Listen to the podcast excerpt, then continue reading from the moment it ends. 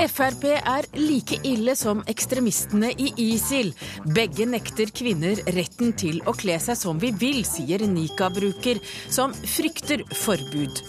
Obduksjon viser at den 16-årige palestineren ble brent levende. Palestinerne fortsetter å skyte raketter mot Israel. Og Bård Tufte Johansen har sin teori om hvorfor ståhjuling er tillatt, mens tigging kan forbys. Fortauet er ikke dimensjonert for Segway. Det er for trange. Så det er ikke plass til både tigging og Segway. Så da har regjeringen da har måttet gjort et valg. Da har de måttet forby tigging. Ja, du hører på Ukeslutt i P1 og P2. Jeg heter Hege Holm, og vi skal i løpet av sendinga også møte en far som etterlyser mer hjelp til seg selv og sønnen som overlevde massakren på Utøya. Men først siste nytt ved Kari Bekken Larsen.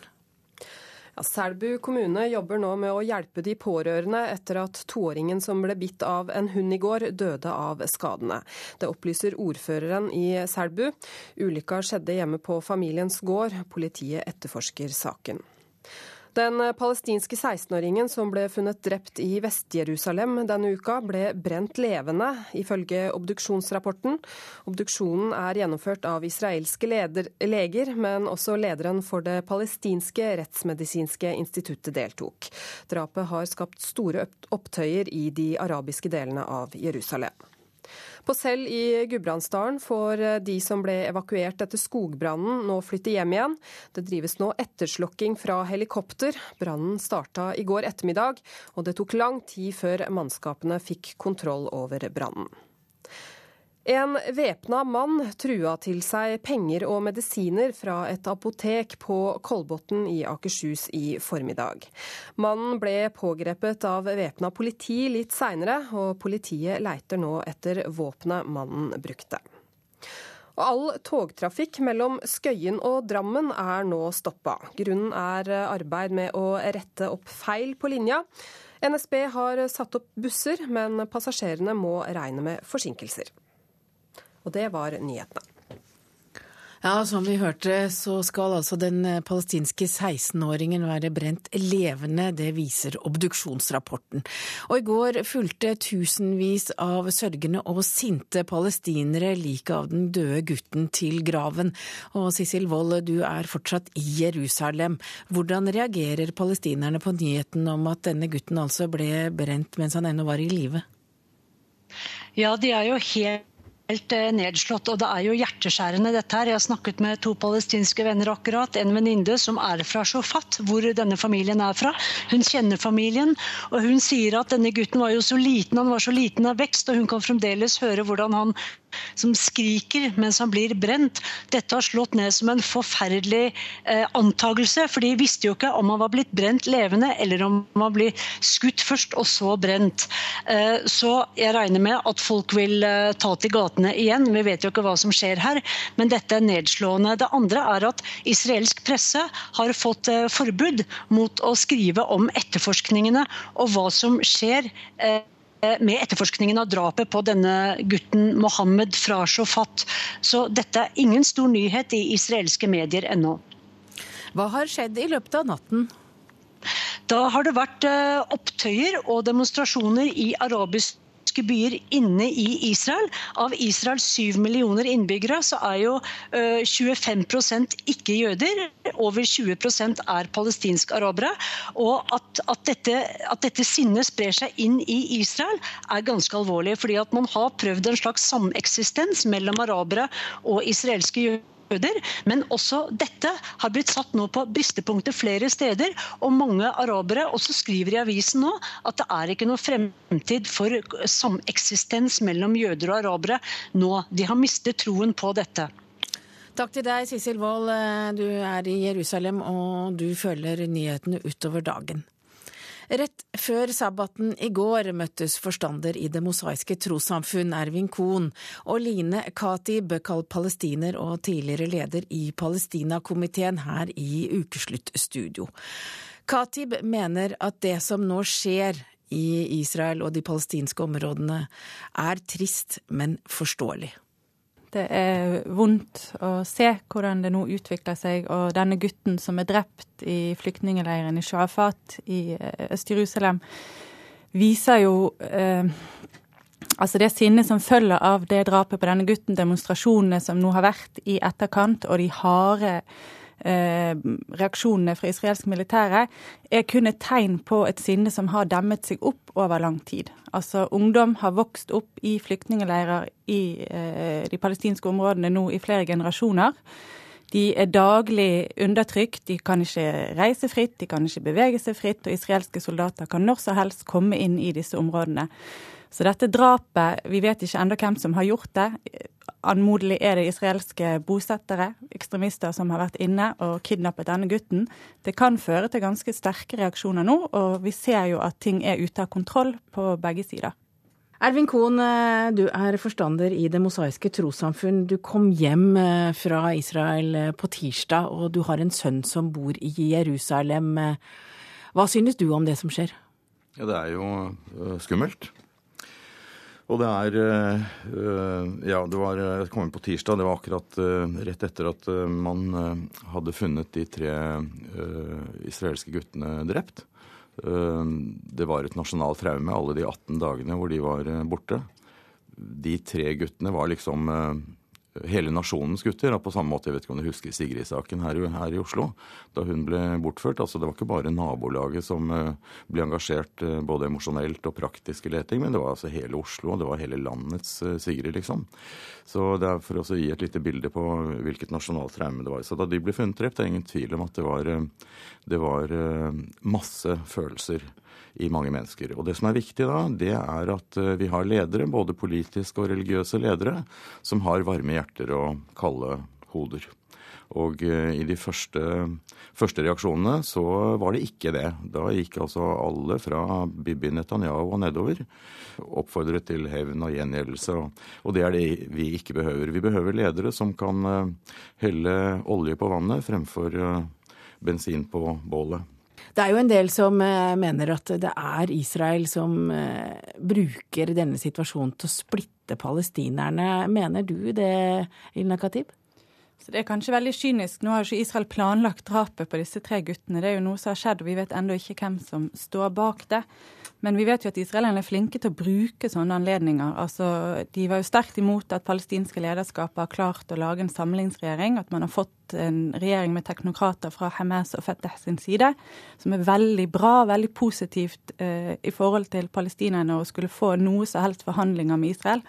Samtidig er dette noe som israelerne overhodet ikke vil ha og ikke ønsker. Så de bruker jo denne anledningen til å nå legge all skyld på Hamas og igjen skape dette bildet av at Hamas er en terrororganisasjon som det overhodet ikke går an å forhandle med, som det ikke går an å snakke med.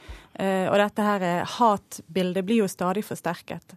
Disse guttene som ble drept, det er en, en tragedie uansett. Det er unge gutter. Alle som har barn, skjønner at å, å miste ungene sine og ikke vite hvor de er, og så finne de drept, er noe som ryster deg.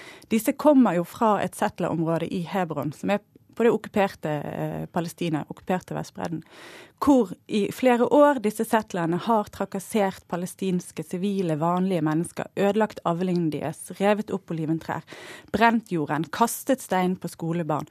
Altså, På mange måter så er det rart at dette ikke har skjedd før. Er det en beskrivelse du er enig i?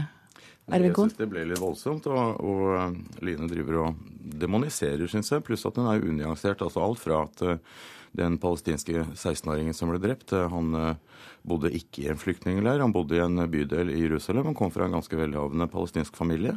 To av de israelske guttene som ble drept, deres familier eh, var ikke settlere i eh, den forstand. De bodde altså innenfor den grønne linjen, altså i Israel proper. Så mm, det er også en jobb som journalistene også bør gjøre. Å sjekke ut eh, fakta, ikke bare gjenta ting man har hørt. Det er ikke noen grunn til å late som at Hamas er mer enn de er. Det er ikke bare israelerne som anser dem for en terrororganisasjon. Hele verden anser dem for å være en terrororganisasjon. Eh, det er viktig at vi holder hodet kaldt og hjertet varmt. Men altså, nå har jeg ikke noe ønske om å demonisere, Ervin. Det som skjer, altså det er jo unektelig en okkupasjon av Vestbredden, og det er unektelig eh, imot folkeretten å drive med kollektiv avstraffelse, sånn vi har sett den siste uken. Det er 600 palestinere som er arrestert. Det er åtte mennesker som er drept den siste uken siden 12. juni, de siste to ukene. Og eh, Shuafat er delt med en mur. Det er en flyktningeleir, og det er også en del av Jerusalem. Eh, jeg var der for et års tid siden. Jeg skulle til frisøren, skulle i bryllup. Og frisørdamen sa det verste med muren er at jeg ikke lenger hører fuglene. Altså fuglekvittere. Fordi at mennesker er innestengt bak en mur. Og denne muren, Ervin, den er ingen demonisering. Den er et fakta som Israel har bygget, og som overhodet ikke bygger fred. Og det er ikke snakk om å kun forsvare seg, det er snakk om å stenge helt folk inne. Det er ikke sånn vi bygger fred. Det hjelper ikke. Nei, men, men eh, vi, altså, vi skulle ikke ha en stor debatt om uh, konflikten, skulle vi det? Nei, vi skal ikke det. Men det er jo et bakteppe for denne konflikten som gjør at mange frykter nå at det kommer til å eksplodere. Fordi det er så mye sinne på begge sider. Tror du det, Kon? Ja, det er, lett å, det er lett å frembringe sinne ikke sant? når eh, følelsene allerede er i, i, sving. Og det er det som er viktig da. Det er altså først og fremst for eh, alle ledere å forsøke å roe gemytter. Og forsøke å gjøre det som er riktig å gjøre. Skal vi få noen ender vi, vi, kan ikke unngå å snakke om den store konflikten når vi snakker om små ting som skjer på bakken, for alt henger sammen. Skal man få noen endring her, så må det legges press på at Israel føyer seg etter internasjonal lov, selvfølgelig også palestinerne. Eh, det som er viktig, eh, er at vi ikke ser på konflikten som en fotballkamp hvor det blir en vinner og en taper. I den konflikten der nede så blir det enten to vinnere eller to tapere. Så det å heie på det ene laget, det blir feil. Så det som er viktig, er at man ikke heier på det ene laget og er enøyd, men at man er toøyd og heier på begge lag. Så det jeg ser for meg, det er en løsning hvor, eh, hvor øh, palestinerne får altså oppfylt sine nasjonale aspirasjoner, at de får sin egen stat og selvbestemmelse, og eh, kan leve i fred med Israel og Israels folk. Og Israels folk er jo altså over 20 eh, arabere, det er viktig å huske på det også. Jeg har håp, og vi må ha det, ellers så kan vi bare legge oss ned og gi opp. Vi må håpe at ting kan endre seg. Og som er vi inne på, altså min familie er en del av den palestinske minoriteten som bor i Israel, og opplever mange vanskeligheter med det, samtidig som man kan leve mye mer fritt og har det mye lettere enn de som lever under okkupasjon på Vestbredden. Og palestinere og israelere har med hverandre å gjøre hele tiden. Det er ikke det som er problemet. Det er ikke problemet at eh, vi kan leve sammen. Og nå bor alle disse folkene der, det må de fortsette å gjøre, men de må gjøre det på like premisser og med like rettigheter. Det har vi ikke i dag. Men nå har vel John Kerry akkurat gitt opp et forsøk på å finne en løsning? Ja, altså dommedagsprofeter er det nok av. Og det å, å, å øh, fokusere på vanskelighetene det er heller ikke vanskelig. Kosen med det vonde kjenner vi også. Men eh, jeg vil minne om eh, hva Israels første statsminister Ben Gurion sa. Han sa det at den som ikke tror på mirakler i denne regionen, han er ingen realist. Og 14 eh, dager før, før Oslo-avtalen ble, ble signert, hvis noen hadde sagt hva som kom til å skje, så ville det bare blitt ledd av. Så det at det skjer paradigmeskifter, og at det kommer brått, det er ikke noe nytt i det området. Så jeg er optimist.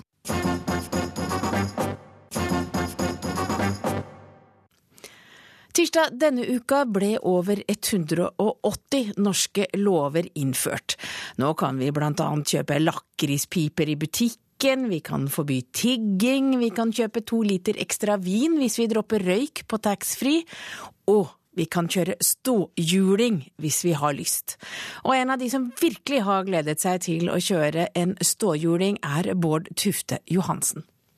Kan jeg prøve? Ja, visst. Jeg er på brygga i Tønsberg hvor Bård Tufte Johansen skal lære meg å kjøre ståhjuling. Begge beina oppå. Først ene, så den andre. Du holder? Ja, jeg holder det. Bård Tufte var nemlig en av de første i Norge som kjørte ståhjuling. I vignetten til TV-programmet Storbynatt kjørte han og Harald Eia rundt på hver sin ståhjuling, ikledd svarte, lange skinnjakker og store, hvite englevinger på ryggen. Så går jeg opp her, så sier det bare pling, pling. Nå står Bård Tufte på brygga i Tønsberg. I shorts, knall blå T-skjorte, brune pilotsolbriller og en lysegrå cap. Nå kan han og alle andre kjøre ståhjuling lovlig. Problemet med Segway og regjeringen er jo at altså, er Fortauet er jo ikke dimensjonert for Segway. Det er for trange. Så det er ikke plass til både tigging og Segway. Så da har regjeringen da har måttet gjort et valg. Da har de måttet forby tigging. For du kan jo ikke ha fattige folk som sitter og tigger når Bård Hoksrud kommer dundrende på en sånn Segway med boblevest og en kjempestor hjelm på størrelse med en pilatesball. Det er klart, Da, da må tiggerne bort. Så sånn er det blitt. Bort med dere! Og se hvor fort det går! Hei, hei, hei, hei. På brygga stopper folk opp for å se på den høye mannen som suser bortover. Men blir man mer tiltrekkende av å stå på en ståhjuling? Han så veldig kul ut, syns jeg. Han så innbitt ut. In, ja, alvorlig. Konsentrert. Konsentrert. Enig. Men er han, Blir han kjekkere på den enn hvis han hadde gått? Nei. Jo, det syns jeg. Syns du? Ja. Jeg er helt Hakket kjekkere. Kjekk eller ikke, ståhjulingen gir i alle fall Bård mye oppmerksomhet. Nei, altså Problemet med Segway nå er jo at man får jo veldig mye oppmerksomhet. Og det kan jeg love dere. Jeg tok en liten runde nå, da kommer folk Ja, så har du kjøpt deg sånn, og det var fin, ja, gitt. Se på den, da. Gå fort, da. Stopper fort, da. Åssen går den, da? Så det, det jeg tror Segway De som skal kjøpe Segway, er de som er ensomme. eh, Og som ikke har noen å prate med, og som har vanskelig å komme i kontakt med folk. Da kan de enten kjøpe valp, men det er mye jobb med valp. eh, Da kommer de i kontakt med folk, men da blir jeg kjørt tohjuling. Tirsdag denne uken trådte regjeringens nye lovendringer i kraft. 183 lovendringer trer i kraft i dag. Segway blir tillatt. Se her, her er det. Altså det at Frp får liksom innført lakrispiper, større taxfree-kvote, det er veldig Frp-esk. Det er liksom helt til hjertet. Altså Det er som om Senterpartiet skulle få eh, politisk gjennomslag for at alle med sau fikk 18 ukers ferie. Kommunene kan nå bestemme selv om de vil ha tiggeforbud. Mer av fødselspermisjonen kan fordeles fritt mellom foreldrene. Og du kan bytte ut tobakkvoten med vin eller øl på taxfree. Og det er jo bare økt kvote hvis du dropper røyk. Ikke sant? For du, du må kutte ut røyk for å få mer alkohol. For sykdommene, altså antall sykdommer skal være konstant. For får, da får du mindre kols, og så får du mer skrumplever og vold i hjemmet. Det skal jevne seg ut. Så de har, dette kan de. De har dette regna på. Men har regjeringen tenkt gjennom hvordan økt alkoholkvote og ståhjuling i gatene passer sammen? Tåler styret en pose full av vin og sprit? Det er eh, veldig eh, blått eksperiment. Det er eh, Segway og kvoten uten røyk, dvs. Si maksimalkvote. Her er det fire flasker rødvin og en hel flaske Bacardi. Gans, jeg vil si ganske tungt. Og skal jeg prøve om det går på tohjuling. Bård Tufte henger den røde taxfree-posen på styret. Bam, bam, bam, bam, bam, bam. Reis meg opp. Og den får litt Kvoten drar den litt til høyre. Ironisk nok. Segwayen til høyre, så jeg svinger rundt til høyre. Fordi jeg har posen på høyre hånd, og da blir Segwayen dratt til høyre. Så da må jeg korrigere mot venstre, og så lener jeg forover. Så går det ganske greit. Men ganske vanskelig. Men det er et vellykka eksperiment, regjeringen. Dette funker i praksis. Når Bård Tufte kommer tilbake på brygga, er det endelig min tur. Og der kommer det en sykkel. Se så teit han ser på den sykkelen. Å, du går i kjempefart, så vidt jeg klarer å løpe. Klarer du å stoppe nå, da? Klarer du å stoppe? Ja, det er veldig gøy. Ikke sant? Ja, Det er ikke så veldig guttete. Det er jo for alle. Dette kan være noe for meg òg. Ja, det kan det. Og så det er veldig trim for de som er venner med de med Segway. De er det trim for. Ja, der lærte vi mye nytt om en ståhjuling, og reporter her var Heidi Rødeid.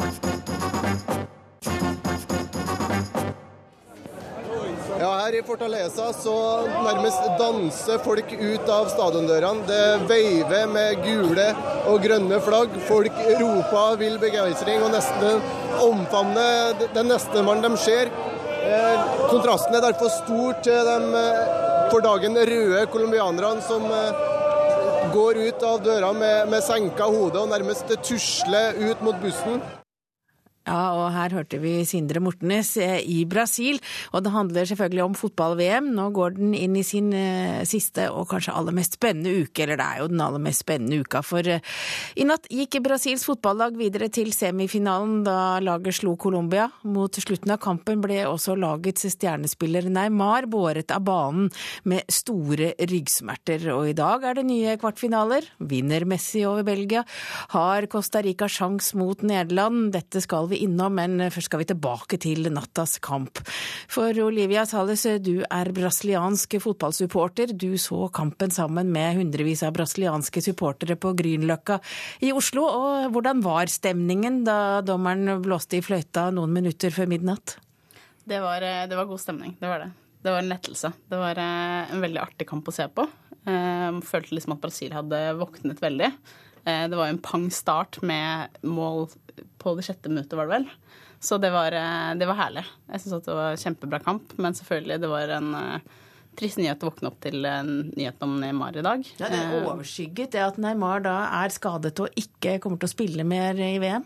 Ja, det er jo Altså, han er definitivt den beste, beste kortet vi har. Så det Ja, troen på, på, gull ble jo litt lenger unna, da, når eh, den nyheten kom. Ja, det er jo ikke nok med det, men kaptein Tiago Silva, han må også stå over. Mm. Ja, nei, det men som, som, sagt, eh, som det også flere refererte til i dag, så, eh, så, er det jo mange som er veldig veldig gira nå. Eh, man har kommet Man gjorde det bra i går, til tross for det som skjedde. Og så er det mange som har lyst til å ta gull for, for Neymar. Som, er, som, ligger stille nå.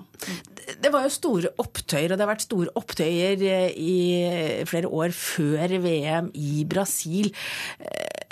Fotballaget har gjort det godt, veldig godt, og kommet så langt. Har opptøyene stilnet? Eh, ja, altså det var jo, der For et år siden så var det de store, store opptøyene hvor det var eh, mange millioner i gata. Eh, det var jo et år før VM, hvor det var på, på måte det største. da. Så har det etter det nok blitt roligere, men det har fortsatt vært veldig mye debatt. Og jeg tror fortsatt at frustrasjonen forhold til, i hvert fall, mot Fifa er veldig veldig stor. Det tror jeg ikke det er noen tvil om. Men akkurat nå er vel spenningen hvordan det går Absolutt. videre? Andrea Ramires Stangeland, du er norsk-colombianer, og du så kampen på kontraskjæret sammen med mange colombianere. Hvordan var slutten for deg? Nei, det var, det var litt uh, synd. Veldig synd, egentlig. Uh, stemningen var laber. Men det var, det var, kjekt å, å se kampen og um, det var, jeg tror det var veldig mye håp for at Colombia kunne vinne. De har spilt såpass bra hittil, men de presterte ikke i starten. Så fra, fra begynnelsen, når, de, når, vi så på en måte hva som, hva som skjedde med, med, laget der, så Nei, da begynte folk å dabbe litt av. Og så gikk det opp igjen med det ene målet, og det var skikkelig håp på at de skulle klare det til slutt, men det gjorde de jo ikke. så det var synd, men folk er stolte av laget sitt likevel. og det ja, Offentlig ansatte fikk jo fri i går for å ja. se kampen. Hvor viktig er suksessen under fotball-VM for colombianerne? Det er så viktig som det kan bli. Det er en av de tingene som samler hele landet i et land som er så delt i forhold til meninger i Colombia. Fotball er ikke bare fotball, det er så mye mer. Eh, ikke bare i Colombia, det er jo hele Latin-Amerika. men men i Colombia denne gangen med denne generasjonen spillere, med dette laget som har gjort det så bra, som har spilt sammen, så har folk virkelig hatt, altså blitt inspirert, vært optimister, tenkt at nå klarer vi det. Og så har vi kommet så langt, og mot Brasil. Folk er så stolte nå. Eh, ja, alle jeg har snakket med, er på en måte fornøyd med den innsatsen de har gjort. Og, ja, Når dere nå er ute, hvem heier du på da? Du, det um, Jeg syns Brasil spilte godt i går. Um, det var noen ting som var veldig imponerende, men um, Ja, det Akkurat i dag vil jeg ikke heie på Brasil. Olav Tråen, du er NRKs fotballkommentator. Du kommenterte kampen i går kveld, og du kommenterte begge kampene i går. Og du var ikke i tvil om at det beste laget vant i natt. Men hvordan går det mot Tyskland? Normalt vil Brasil være en klar favoritt på hjemmebane mot Tyskland. De har ikke tapt en mesterskapskamp hjemme i Brasil siden 1975, da de tapte en semifinale i Copa America, det søramerikanske mesterskapet. Men det er altså et noe svekket Brasil vi har nå, i og med at hærføreren, kapteinen, midtstopperen Silva er ute med karantene. To gule kort i turneringen gir én kamps karantene i semifinalen, pluss altså den leie skaden til Neymar. Det var rapporter i natt om at han hadde grått på sykehuset med sterke smerter og skjønte at nå var det hele over. Dette var jo hans mesterskap. Men de har en landslagssjef i ypperste klasse i 65 år gamle Skolari. Han er en mann som vet hva det handler om. De skal ikke underholde, de skal vinne VM, selv om Brasil og folket nok forventer også litt samba. Men det er altså slik at fotballen har utviklet seg, og dette er topp, topp spillere som kan forsvare bakover, som kan angripe, og de har gode nok folk selv uten de som er ute, til å kunne slå ut uh, Tyskland. Og det er fall ingen tvil om hvem som dominerer på tribunene. Det er brasilianske fans, og det hjelper også. Pluss at uh, europeiske lag aldri har vunnet et uh, fotball-VM i Sør-Amerika. Og I kveld er det nye kamper. Argentina mot Belgia, Costa Rica mot Nederland. Hva er du mest spent på? Oi, for her er det så mye morsomt å, å se frem til. Dette er jo fotballverdens største scene. Men Lionel Messi fire ganger på rad i dette VM kåret til banens beste spiller av Fifa. Han har nærmest på egen hånd sendt Argentina til denne kampen, denne kvartfinalen.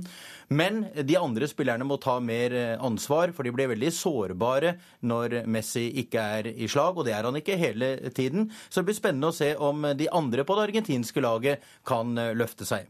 Nederland-Costa Rica.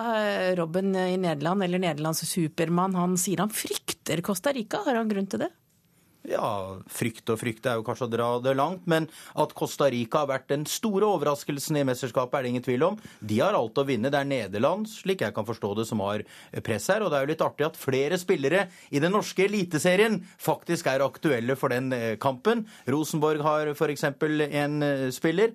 Og eh, her er Nederland favoritten. Robben er stjernen. Men om han slutter med dette skuespillet. om han slutter å kaste seg inn i 16-meteren, for det er bare patetisk og har vært eh, dessverre et klart minus ved dette ellers fine verdensmesterskapet. Nå er det litt over en uke igjen til det er over. Hvem vinner, Olav Trond?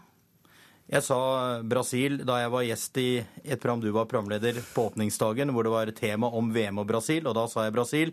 Så det er nødt til å stå ved til det hele er over. Ja, Hva sier du, Olivia Salles? Ja, nei, vi går for gull. Det er klart, det. Du går for gull. Ja. Takk til dere, Olivia Sales, brasilianske fotballsupporter, Andrea Ramires Stangeland, norske colombianer og ut av VM, og høyer på Brasil akkurat i dag i hvert fall. Og Olav Tråen, vår fotballkommentator, og det er altså nye kamper på radio i kveld klokka 18, ikke sant Olav Tråen? 18 sender vi den første av dagens kvartfinaler, Argentina mot Belgia.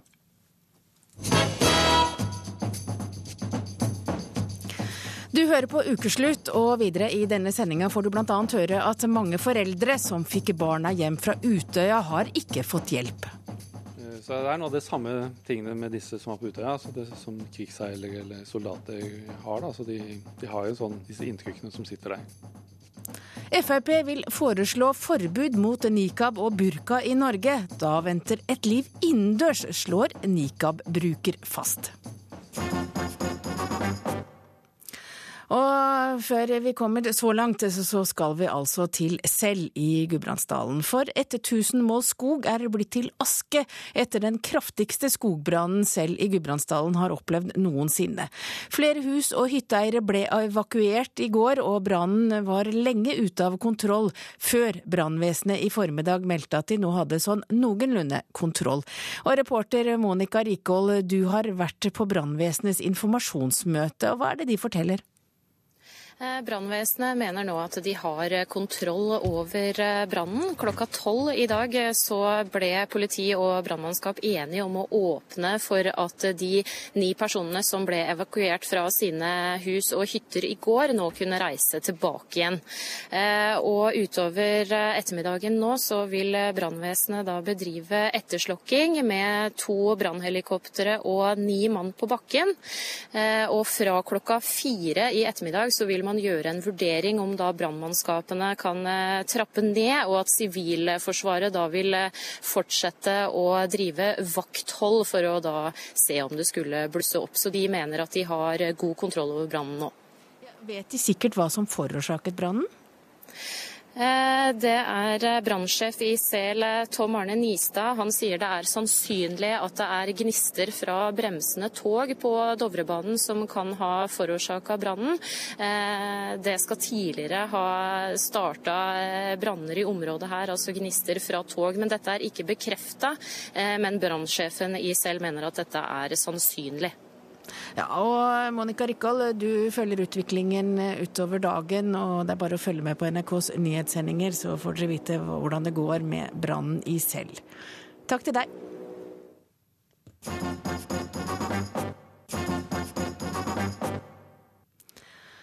Denne uken slo Menneskerettighetsdomstolen i Strasbourg fast at Frankrikes forbud mot heldekkende hodeplagg som nikab og burka ikke strider mot menneskerettighetene. Og Mazyar Keshvari, du er innvandringspolitisk talsperson og stortingsrepresentant i Fremskrittspartiet. Dere har foreslått forbud før. Hva gjør dere nå?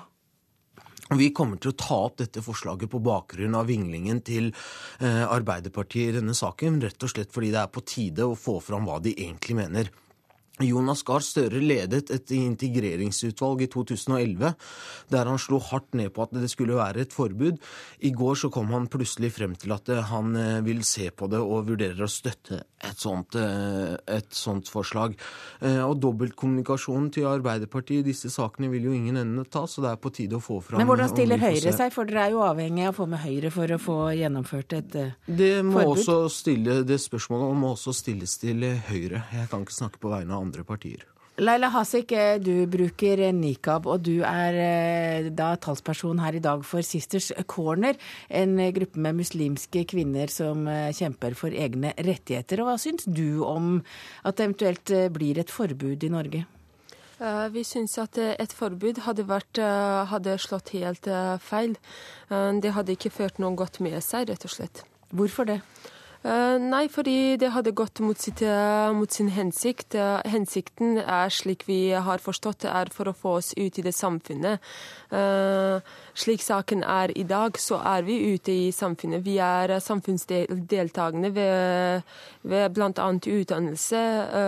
vi jobber med innen frivillige organisasjoner, jobber inn ja, altså vi er yrkesaktive. Og om et slikt forbud kommer, så vil det bety at vi blir stengt inne. Arbeiderpartiets stortingsrepresentant Jan Bøhler har jo sagt at denne uka at nikab og burka er ekstremt kvinnediskriminerende. Er det det? Uh, nei, det, det syns vi ikke. Uh, vi syns at en, uh, det er den statlige politikken som er diskriminerende mot akkurat, altså i akkurat dette tilfellet. vi blir jo med, altså med dette forbudet hadde vi vært tvunget til å ta av nikaben. Og hva, hva, slags demokratisk framgang er det å tvinge andre til å gjøre ting man selv ikke har lyst til å gjøre? Grunnen til at vi i Fremskrittspartiet bestandig har vært mot eh, at folk skal kunne maskere seg på den måten i det offentlige rom, og vi er for et forbud Vi er forbud. ikke maskerte. La er... meg snakke ferdig, nå har du fått snakket. Det er at eh, nikab og burka er først og fremst begrunnet med at kvinner må dekke seg til for å ikke vekke mannlig begjær. Feil. En sånn form for usivilisert, eh, radikal islamistisk uniformering i et sivilisert samfunn som det norske hører ikke hjemme. Det hører for så vidt ikke hjemme noen andre steder. Vi kan ikke innrette samfunnet vårt etter behag og smak til de mest ekstreme menneskene i samfunnet vårt. Og jeg syns det er veldig bra å lese dommen fra Menneskerettighetsdomstolen i Strasbourg som sier at det har noe med samfunnsansvar å gjøre. Å kunne identifisere medmennesker i det offentlige rom som ikke skjuler sin identitet, det er ganske viktig. Fram til i dag så har man gått med argumentet at det her er kvinneundertrykkende. Selv du har sagt, ja, det er jo det, det også. Nei, nå har du snakket, nå snakker jeg. Selv du har snakket, uh, sagt at dette plagget er kvinneundertrykkende. Når ditt uh, argument faller bort, så går dere over til et annet argument. Mitt det tar argument aldri, står vent, fast. Det tar aldri en ende. Hijab eller nikab er ikke kvinneundertrykkende. Man bruker ikke hijab, hijab eller nikab. Vent, jeg snakker. Du har snakket.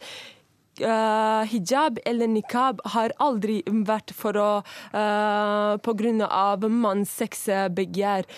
Det er, det er oss kvinner som velger disse plagg. Man gjør det for å i tilbedelse av Allah subhanahu wa. Man gjør det i form av fromhet. Men Leila Hasik, hva er det som er fromt ved å dekke til eh, ansiktet sitt så man bare ser øynene? Og fromt ved, ved nikab er at man stadig vekk påminner, eh, påminner seg selv hva, hva man er og hva man står for. Ja, og det er nettopp det vi ikke ønsker nå her. Vi ser Du jo at det skal radikal islamistisk. Det første ISIL innfører i områder i Syria og Irak de tar over, det er den type form for forkastelig uniformering og undertrykkelse av menneske og menneskeverdet ved at kvinner må dekke seg selv fra topp til tå, ellers så får det alvorlige konsekvenser, og de kan til og med bli likvidert. Og det å tillate den form for uniformering, det symbolet for radikal islam og islamisme i Norge, det kan vi ikke finne oss i, det er vi nødt til å forby. Vi diskuterer akkurat nå ikke ISIL, men siden vi er inne på, eh, inn på dette temaet Du og din parti og dine meningsfeller, dere er ikke noe bedre enn dem når dere går ut med akkurat det samme. Dere ønsker å forby. Dem pålegger, altså tvinger, og dere tvinger av. Hva er, hva er forskjellen mellom disse ting? Ingen av deler. Dere er like ille for den saks skyld. Laila Hasik, er det eh, frivillighet som gjør at alle de du kjenner som bruker nikab, gjør det? Ja, og som sagt, jeg, er, jeg taler på vegne av Sisters Corner. Vi, er, vi teller over 2500 aktive medlemmer. og vi snakker om alt eh, mellom himmel og jord. Det hadde kommet fram fra en eller annen at man blir tvunget enten på hijab eller nikab. Det er ikke tilfellet. Tilfellet er slik at man blir tvunget til å ta av enten nikab eller hijab. Både av samfunnet og familiemedlemmer. Man er diskriminert i, eh, på yrkesfeltet. Man er diskriminert, eh, diskriminert, diskriminert i eh, eh, under utdannelsen. Og nå ønsker politikere å ta det enda, enda lengre og forby nikab. Om det er ti stykker eller om det er tusen stykker, er litt irrelevant når vi snakker om grunnleggende verdier og prinsipper i et samfunn. Men det handler jo om frihet, da. Frihet til å gå kledd eh, slik man ønsker. Frihet til å, til å uniformere seg med de mest ekstreme formene eh, for radikal islamisme mener jeg ikke er noen eh, frihet. Eh, frihet til å kunne identifisere medmennesker i det offentlige rom derimot mener jeg er noe vi må hegne, og det er det som står i begrunnelsen til menneskerettighetsdomstolen i Strasbourg. Hva er det mest alvorlige, mener du, ved å innføre et slikt forbud? Jeg mener at det mest alvorlige er at man kommer til å øh, utelukke nikab-brukere fra samfunnet og samfunnsdeltagelse. Nikab-brukere har ekskludert seg sjøl fra å delta i samfunnet. Nei, nikab-brukere går på jobb, de går på skole, og de prøver å være samfunnsdeltagende. Det er når slike, uh, slike på, forbud kommer opp, uh, det er da vi blir diskriminert. Men Leila Hasek, du har jo sjøl fortalt det til eh, aviser du har blitt intervjua, at folk blir engstelige når de møter deg. Eh, Forstår du nå reaksjonen at mange ønsker at det skal bli forbudt? Eh, vi merker jo at eh, folks eh, holdninger til oss endrer seg i takt med medias oppslag. Eh, er det negativ omtale om islam og nikab, så blir det negative, neg negative inntrykk av eh, mennesker i gata. Jeg personlig mener at det har blitt eh, mye bedre i tiden etter at NRK viste en dokumentar om nikab-brukere. Jeg, jeg forstår for så vidt at man kan føle seg skremt, men dette er en tilvenningssak. Man på, tidlig på 80-tallet eh, og 90-tallet så ble f.eks. eldre veldig skremt av eh, veldig tatoverte mennesker, skallede mennesker etc. Men man har ikke gått aktivt med forbud mot disse. Ja, og vi mener at det blir også feil å gå med aktivt skremt. forbud mot oss, eh, oss i nikab. Du sier i stad at uh, det er uh, en plikt å identifisere seg, og jeg er, jeg er ganske imot. For du, du identifiserer ikke hver eneste menneske du går forbi i det daglige livet ut Jeg er i stand til å se hvem uh, som eh, beveger seg i det offentlige rom, Ja, fordi du- de fleste er mennesker går mye- ikke Hvor mye bryr du eh, deg med- egentlig, og hvor, hvor mange av dem legger du, eh, legger du merke til? Det Jeg tror det er en mange. fordel at når du spør om ting, så kan i hvert fall motparten få svare uten at du avbryter konstant. Eh, Når det kommer til tilvenning, så mener jeg at du har et godt poeng. Det er nettopp det vi ikke ønsker. Vi ønsker ikke en tilvenning til radikal islamisme. Vi ønsker ikke en tilvenning til et samfunn der folk går maskerte, og det skal være en del av hverdagen i et eh, sivilisert, fritt demokrati. Vi Men, men mener du at eh, Leila må være ekstrem eller radikal islamist for å gå med nikab? Det er ikke noe tvil om det. Senest i reportasjen i går eh, fra NRK på Grønland, så var jo folk med eh, full hijab som til og med solgte slør og andre ting som sier at det her er ikke religiøst betinget. Og vi vet hvilke organisasjoner og hvilke bevegelser som bruker både nikab og burka. Burka ble innført i Afghanistan først med Taliban, som er et av de mest grusomme, er forferdeligste er regimene i verden. Men Leila, er du en eh, radikal islamist? Det er jeg absolutt ikke. Jeg følger fotsporene til mødrene av islam, som er Aisha radiallahu anhum. Hun brukte nikab for 1000, mer enn 1400 år siden. Så din påstand at det her kom med Taliban og Afghanistan, er helt på jordet. Taliban innførte burkapåbud i Afghanistan når de tok over, og det er de mest ekstreme, forferdelige eh, islamistiske organisasjonene som pålegger kvinner og mennesker å tildekke seg på denne måten. og du er den mest ekstreme som ønsker å tvinge mennesker til å kle av seg.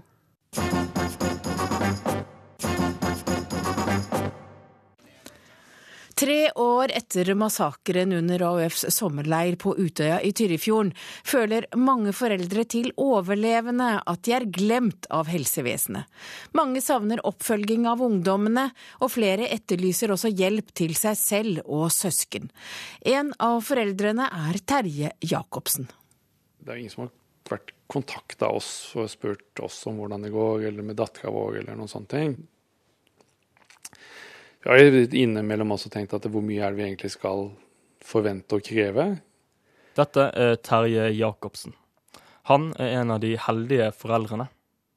22. juli fikk han sønnen Bjørn i live hjem fra Utøya. Men Terje oppdaget raskt at det ikke var den samme gutten som hadde dratt på sommerleir med AUF noen dager tidligere. Aller første tida så var det jo så tapet var som å ta på en varm eh, stein. Altså var, alle muskler var stramme, og han eh, var så sikkert eh, nærmest feber. Og, nakke og alt var helt beinhardt. Og han, litt sånn blikket var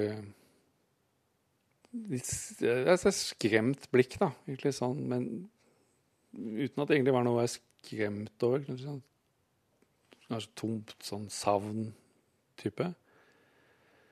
Sånn I ettertid så har jeg tenkt at jeg hadde en bestefar som var krigsseiler, som fortalte om å, seile i konvoi med flybensin og, og se båter bli sprengt og sånt. Og han hadde de bildene i, i hodet langt altså, så lenge jeg kjente han langt opp på 80-tallet. Eh, Så det er noe av de samme tingene med disse som var på Utøya, altså som krigsseilere eller soldater har. De, de har jo sånn det, disse inntrykkene som sitter der, og som vi må, må bare de og vi må lære oss å leve med, spesielt de som har opplevd det. Denne uken kom nyheten. Foreldrene til de barna som overlevde Utøya, føler seg glemt. De savner mer oppfølging, flere tiltak og høyere kvalitet. Både til barna, men også til seg sjøl. Psykolog Tine Jensen forklarer. Det vi har sett noen eksempler på, er jo at ungdommen har fått hjelp. Eh, Sånn at de kommer godt videre i sine liv. Men fordi foreldrene ikke har fått noe veiledning, så blir de stående i denne engsteligheten eh, hvor de er veldig, veldig redde for sine barn. Og eh, vi hadde en episode hvor, hvor gutten kom og sa kan dere være så snill hjelpe meg til å fortelle mamma og pappa at nå behøver de ikke følge meg til byen hver eneste dag, for nå klarer jeg meg selv. Og, og det er klart at når foreldrene da får en vedvarende frykt for sine barn, så kan de også bidra til å hindre barnets utvikling. Allerede i bilen på vei hjem fra Utøya satte Terje og Bjørn seg et mål. Bjørn skulle tilbake til Liverpool og skolen hvor han studerte. Det var under to måneder til semesterstart. Sakte, men sikkert jobbet de med å skape nye bilder og minner i hodet på Bjørn. Vi sov jo veldig lite på den tida, så vi, vi satt jo mye oppe om nettene og, og, prøvde å på en måte lage bilder av som, som, på en måte fikk tankene bort fra det som hadde skjedd. da. Snakka om litt sånn pussige situasjoner, pussige bilder av venner eh, som lå på Facebook og, og så på teite filmer, for å si det sånn. Altså sånn uh, rent sånn humorfilmer. Gjorde veldig mye sånne ting. Prøvde også å få på en måte dagene inn i sånn normal rytme igjen, da. Vi ser på timeline, da, før 2011. De nådde til slutt målet om å komme tilbake til Liverpool i tide til skolestart. Og Terje viser frem Facebook-oppdateringen som markerer det de kaller milepælen i Bjørns lange vei tilbake til hverdagen. Det er i hvert fall bilde fra juleferien 2011. Eh, Oktober. Her hadde vi ikke bilde, da. Vi hadde bare en milepæl. 19.9. Bjørn tilbake på Lipa, en nyflyttet leilighet. Så ja. Med litt hurrarop fra dirigent i orkesteret han har spilt i, og fra en medstudent. Men da var målet nådd? på Det var, det, det var milepæl 19.9. Så det var prosjekt tilbake på Lipa.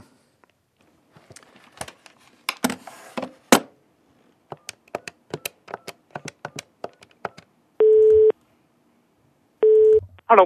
Hei sann, er det Bjørn? Ja. I dag er Bjørn på musikkfestivalen Roskilde i Danmark.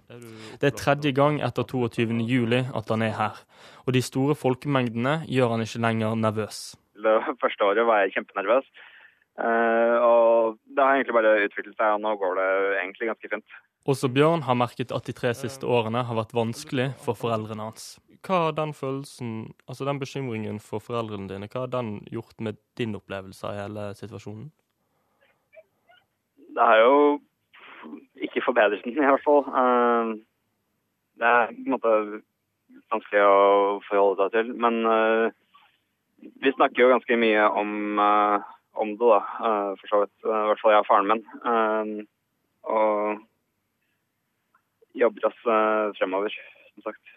Det skal også sies at selv om mange av foreldrene etterlyser mer hjelp i en eller annen form, er flere av de som fikk barna sine hjem, fornøyde med oppfølgingen de har fått, forteller Tine Jensen. Så mange som 40% faktisk sier at de er veldig fornøyd med det tilbudet de fikk. Og det er jo oppsiktsvekkende at um, så mange ikke har noe å utsette på hjelpetjenesten i det hele tatt. Terje mener fortsatt at Norge har en vei å gå for å bygge opp et nettverk rundt de familiene som blir rammet av store katastrofer, slik at de kan takle den jobben som ligger foran dem.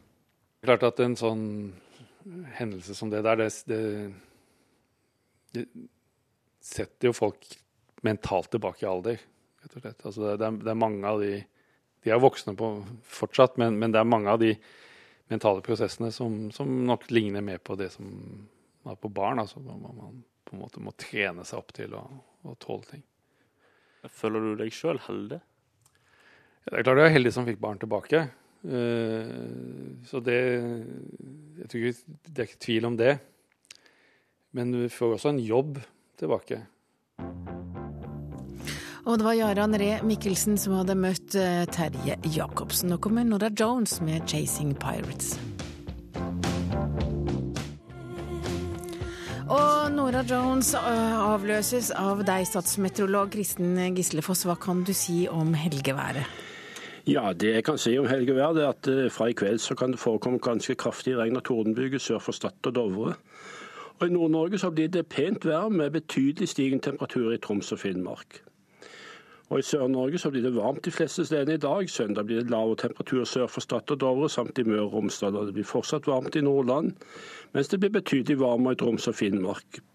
Litt varmere også på Spitsbergen. Og Fjellet i Sør-Norge får opp til sørøstlig kuling med regnbyger og uttrykk for torden. I dag lite eller ingen nedbør og noe sol nord for Langfjella. Fra sent søndag formiddag færre byger i Langfjella og mulighet for litt sol. Østland og Telemark opp til sørøstlig frisk bris på kysten. Etter hvert lokale regnbyger, lokal torden. I dag flest byger sør for Mjøsa. Søndag stedvis mye nedbør. Fra sent søndag ettermiddag færre byger og perioder med sol, først i vest. Sørlandet periodevis sørøstlig bris, regnbyger. Fra i kveld lokalt kraftig regn og tordenbyger. Søndag skiftende bris, tidlig på dagen regnbyger, For utpå formiddagen færre byger og perioder med sol. Sent på kvelden økte nedbør igjen og uttrykk for torden. Rogaland opp til sørøstlig stiv kuling, i kveld litt minkende. Det blir regnbyger, lokalt mye nedbør, uttrykk for torden. Søndag skiftende bris og enkelte regnbyger, om kvelden økende bygeaktivitet. Hordaland, Sogn og Fjordane får sørøstlig liten kuling utsatte steder, og det blir regnbyger, det er uttrykk for torden. Fra søndag formiddag skiftende bris og færre byger. Møre og Romsdal og Trøndelag sørøstlig frisk bris utsatte steder. I ettermiddag nordøstlig frisk bris på kysten. Fra natt til søndag sørøstlig liten kuling i Trøndelag. Det blir enkelte regnbyger på Sunnmøre, eller stort sett pent vær. Fra søndag morgen sørvestlig frisk bris på kysten, først i Møre og Romsdal. Da blir det regnbyger fra vest og uttrykk for torden. Nordland og Troms røstlig bris, delvis solgangsbris ytterst på kysten fra Vesterålen og nordover. Søndag liten kuling sør i Nordland først på dagen. Pent vær, men noe mer skyet i grensetrakten i dag. Finnmark i kyst- og fjordstrøkene i Vest-Finnmark sørøstlig bris og pent vær. I Øst-Finnmark og på vidda øst og sørøst bris, opphold med stedvis tåkesky i øst med litt yr. Og Nordensjøland på Spitsbergen skiftende bris og stort sett opphold og stedvis tåkesky. Og det var alt for Meteorologisk institutt, og fortsatt en riktig god lørdag.